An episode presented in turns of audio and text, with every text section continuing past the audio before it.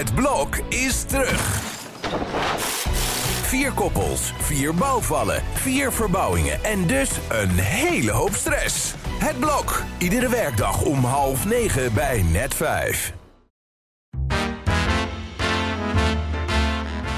Dit is Strik Privé, de dagelijkse showbiz-update met Evert Zandgoeds en Jordi Versteegde.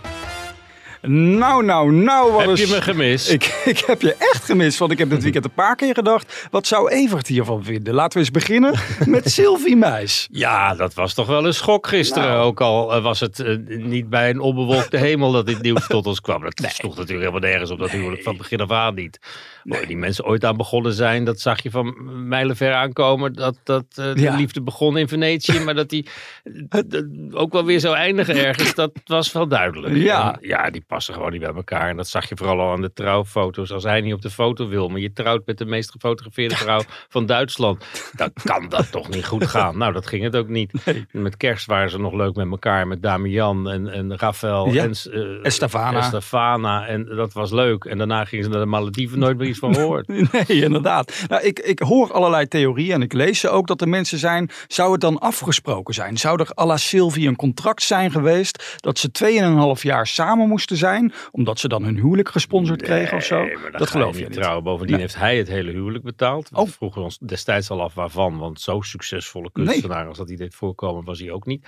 Maar dat is een, een, een bruiloft van meerdere tonnen geweest. Duurde vier dagen. Zij gisteren al ergens. Dat is eh, de laatste keer ook dat ze vier dagen bij elkaar geweest zijn geloof ik. Dat huwelijk, ja. Achtereenvolgens. En eh, ja, het is... de- nee, Sylvie is wel wat dat betreft heel serieus. Dat Ja. als je trouwt, dan is dat wel heel goed bedoeld. En dat Mhm. hebben we bij Rafael ook gezien. En daar wordt later ook heel luchtig over gedaan. Maar dat is wel een grote liefde geweest. Wat hij vooral liet zien toen zij zo ziek was. Toen ze borstkanker had. Mhm. Dus ja, trouwen doe je niet als, als je Sylvie heet voor, het, voor een geintje. Ze is er met de beste bedoelingen aan begonnen. Maar ja, dat dat niet zo stand houden. Dat, dat komt niet als een grote verrassing afgelopen zondag. Je weet hoe het met mijn generatie werkt. Wij houden alles via, ja, mijn, via Instagram bij. hè? Mhm. En ik zie wel dat ze elkaars foto's nog liken. Dus misschien is ze zijn wel in goede harmonie, zou je kunnen zeggen, uit elkaar gegaan. Ja, dat Toch? zou mooi zijn. Ja, Ja. ze waren ook al uit elkaar natuurlijk. Dus dat, is, eh, dat, dat, dat was al duidelijk. En het gaat weer van voren af aan beginnen. En Ja. ik ben heel benieuwd wie de volgende is. De volgende zes. Maar daar kijken we toch ook wel een beetje naar uit, toch? Dat er weer een nieuwe man. Sil, Over nieuwe het liefde voor Sil. Is van- Oh, oh, oh, oh, oh, oh. Het Nou. is jarenlang naar Saint-Tropez gegaan. Elk jaar met een andere man. En Ja. iedere keer weer in de veronderstelling dat dit hem dan was.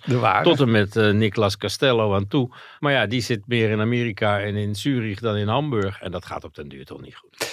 Een huwelijk dat ik me ook nog goed kan herinneren is dat van Maxime Meiland en Leroy. Want dat stond centraal in het laatste seizoen van Chateau Meiland. Ja. En vanavond start het nieuwe seizoen. Ach, en gaan ze op zoek naar een nieuwe huishoudster, heb ik begrepen. Ja. De nieuwe Nadege. Ja. Nou, ook die moet zich niet al te veel illusies maken dat dat voor heel lang gaat zijn. Want we hebben er natuurlijk al meerdere voorbij zien komen. En het is met allebei niet al te vrolijk afgelopen. Nou ja, Nadege vind ik een schat. Dat gaat niet zo heel goed met de gezondheid, op en Mm. af. En, eh, maar ja, ze heeft wel een stempel gedrukt op dat programma. En dat kan de nieuwe huishoudster in Noordwijk natuurlijk ook doen. Die wordt een tv-ster in, in, in, in een paar weken. Want Ja. ja, ze zullen toch de miljoen wel weer aantikken vanavond. Dat denk ik ook. En ze hebben die huishoudster of hou- huishouder, hè, dat kan ook nog. Ik bedoel, ik hou van poetsen. Ik zou het misschien wel willen. Nodig voor Code Rosé, want dat hebben ze geopend of gaan ze openen in Noordwijk. Denk je dat dat weer net zo'n succes gaat worden als het château in Frankrijk? Nou, dat pension dat zit natuurlijk onmiddellijk vol. Want ja. en Noordwijk is lekker en de Meilandjes dichtbij. En, en je kan er logeren voor een, neem aan, niet al te hoog bedrag. En eh, dat, dat zal heus wel gaan lopen. En ze maken er wel weer wat van. En of de serie gaat lopen, ja, dat moet de toekomst uitwijzen. Het tiende seizoen komt er volgend jaar aan. En ze hebben nooit gedacht dat tien eh, seizoenen vol te gaan houden. Maar ja, de Hm. kijkers haakt nog niet af. komen wel eens mensen naar me toe en die zeggen: Het zijn toch eigenlijk van die oppervlakkige types, hè, die alleen maar klussen en wijnen, wijnen, wijnen. Maar gisteren zat Maxime bij Je kan er maar Humberto. druk mee zijn. Ja. Nou, het is een leuke activiteit, wijnen, Ja. wijnen. Precies. Ik denk even terug aan het weekend. Nee, maar gisteren zat eh, Maxime bij Humberto aan tafel en vertelde ze toch wel een indrukwekkend verhaal. Ze is op haar vijftiende verkracht en dat heeft er stevig ingehakt. Eigenlijk is Clairtje wel een beetje mijn redding geweest hoor, in het leven.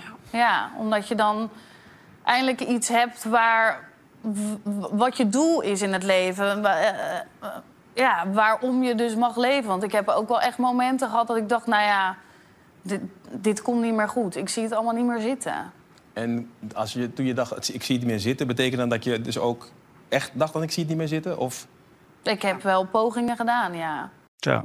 En dat heeft ze allemaal opgeschreven, dit verhaal, in een boek dat Ja, uitkomt. op je 27e memoire schrijven. Ik vind het knap. Maar ja, het heeft de hele familie gedaan tot nu toe. Alleen het wachten Ja. is nog op het boek van de hond Bommel. en dat hebben we dan iedereen geloof ik wel gehad op Montana na. Maar eh, ja, dit verhaal is identiek aan dat van Bridget gisteravond ook. In de kist, dat waren op twee zenders, zaten twee bekende tv-vrouwen hetzelfde verhaal te vertellen. Ja. Maar van Bridget zei het ook van, ik zag het af en toe niet meer zitten. En eh, de geboorte van mijn zoontje heeft me er bovenop geholpen dat ik een doel had in het leven om voor te leven. Want, Ja. zei ze ook nog zelf, ben ik kennelijk niet genoeg om voor te leven. Nou, dat hakt er best in bij Bridget en de interviewer. En Ja. heel veel mensen die zaten te kijken. Maar dat je een kind nodig hebt om, om, om je leven weer op de rit te krijgen. Dat geeft die mensen ook wel een ander gezicht. Hè? Want ik zei het, dat oppervlakkige van Maxime, dat is er voor mij in één keer vanaf. Ik denk, ga hier misschien een programma omheen maken. Ja, in het eerste boek staat het ook hè, van Martien. Dat Ja. zij best een, een, een eh, ja, onstuimige eh, Jeugd heeft gehad. heeft Ja. gehad. Vooral omdat dat ook de periode was dat eh eh, Martien de zijne beleefde, geloof ik. En in Amsterdam eh, zijn andere ik aan het ontdekken was. Ja. En juist in die periode ontspoorde eh, Maxime een beetje. Maar dat is allemaal wel goed gekomen. Dus het boek heeft wel een happy end. Want ja, ze woont nu in een huis van 2 miljoen. Ja, kamp je zelf met problemen? Kijk dan op 113.nl. Moeten we bij dit soort onderwerpen altijd even erbij vermelden. Ja, dit weekend ging het. Ja, ik zei het al aan de kop van de show. Ik wilde echt even met jou bellen. Want wat vond jij nou van Eva Stars? Dat is de grote vraag. Ja, ik, ik ben het met Talpa eens dat je af en toe wat moet uitproberen. En ik weet hoeveel bloed, zweet en tranen het gekost heeft om op dit resultaat te komen. En de, de willekeurige tv-kijker zal dat niet weten. Wat een enorme techniek erachter zit. En wat een kosten ook. En Mhm. ja, als je het gaat uitrekenen, dan is het een paar euro per kijker wat er eh, vrijdagavond doorheen gespeeld is. Maar ik vind wat iedereen alweer zit in te hakken op de mol. Hij kan het niet meer en hij doet het niet meer. En, en het is... Daar ben je het niet mee eens? Nee, natuurlijk niet. Het is toch knap dat je twee keer de wereld verovert met een programma en dat nog een derde keer wil doen. Of, En misschien ook nog wel een vierde keer. Dat het met dit niet lukt, ja, dat is, dat, is, dat, is, dat is dan jammer. Maar dat is geen reden om er vanaf te zien, lijkt me. Maar het is wel een bizar programma. Je ziet Nick en Simon, je ziet Ja, hoe enthousiast was jij over de opening? Ja, nee, ik vind het mooi gemaakt, maar dat is het Ja. probleem. Kijk, wij als makers kijken er anders naar dan gemiddelde kijker. Wij vinden het fantastisch dat zoiets bedacht wordt, maar we, we maken het niet voor onszelf. We maken Nee. het voor de kijker. Nee, ik vond het resultaat nog tegenvallen. En misschien moet er nog tien jaar gewacht worden. Maar ik denk niet dat dat eh, eh, nog iemand zijn vingers eraan gaat branden. Nee. Maar ik vind het, ik, ik vind het jammer. Want ik, ik, ik weet hoeveel liefde hij en hoeveel tijd hij erin gestoken heeft. Mhm. Om het wel tot een succes te maken. En de kijker heeft altijd gelijk. Hè? Als er Ja. 2 miljoen kei- mensen kijken naar eh, Utopia, dan hebben ze gelijk. Mhm. En kijken er eh, een, een miljoen naar die talentenjacht waar Bouke als Elvis uitgekomen is, dan hebben ze gelijk. En als ze maar met z'n 300.000 naar eh Everstar kijken, ja, dan is het kennelijk niet eh, iets waar Nederland op zit te wachten. Hij schiet wel tot slot hierover met hagel wat betreft talentenjachten. Hè? Want er komt er binnenkort nog één op SBS 6, de Talent Scouts. Moet hij daar misschien ook niet wat voorzichtig mee Ja, zijn? ik zou zo langzamerhand alweer eens een programma op televisie willen zien. Waarin al die talenten die. eh, we hebben heel veel talent in Ja. Nederland. Maar die zie je nooit op tv. Nee. Bonnie Sinclair heb ik al twintig jaar niet meer op televisie gezien in het programma, geloof ik. Behalve dat ze op een talkshowtafel over een drankverslaving mag komen. Ja. Gewoon weer eens een ouderwetse show als eh, op volle toeren of zo. Dat, dat moet terug. En we zitten allemaal talenten te creëren die nergens meer in een tv-programma terecht kunnen laten. Waarvan akte. Nog heel even tot slot over André Hazes en Die Monique. Towers, die zie je toch nooit zingen op tv? Die zou je wel, weer eens Ja. willen zingen. Nou, Ja. doe je een groot publiek een, een plezier mee. De enige keer dat je hem op de radio hoort is in een fout uur. Nou, ik zou Lee Towers woedend de telefoon pakken en tegen Q-Music zeggen... laat me daar ook maar weg dan. Nou, jeetje. Ja, maar dat vind ik, we gaan zo slecht om met onze talenten. Er komen er maar meer bij en meer bij. Ja. En je ziet ze nooit. En ze zijn zelfs tegenwoordig dus virtueel hè, bij Everstars. Het zijn geen echte mensen, dat zijn gewoon nou, neppe poppetjes. Nog heel even over André eh, eh, van... Doe ik alles door. Ja. ja, ik ben eh, net Hans Klok. Nee, ehm, André Hazes.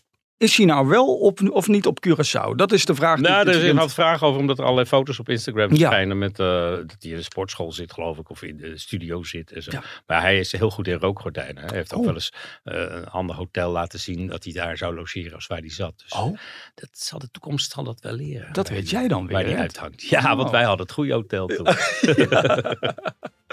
De kop is er weer af voor Zo deze week. Nou, we, we zijn weer helemaal bij. Morgen om 12 uur, dan zijn wij er weer. Benieuwd of Sylvie dan al een nieuwe heeft. Het valt niet uit te sluiten. Tot dan.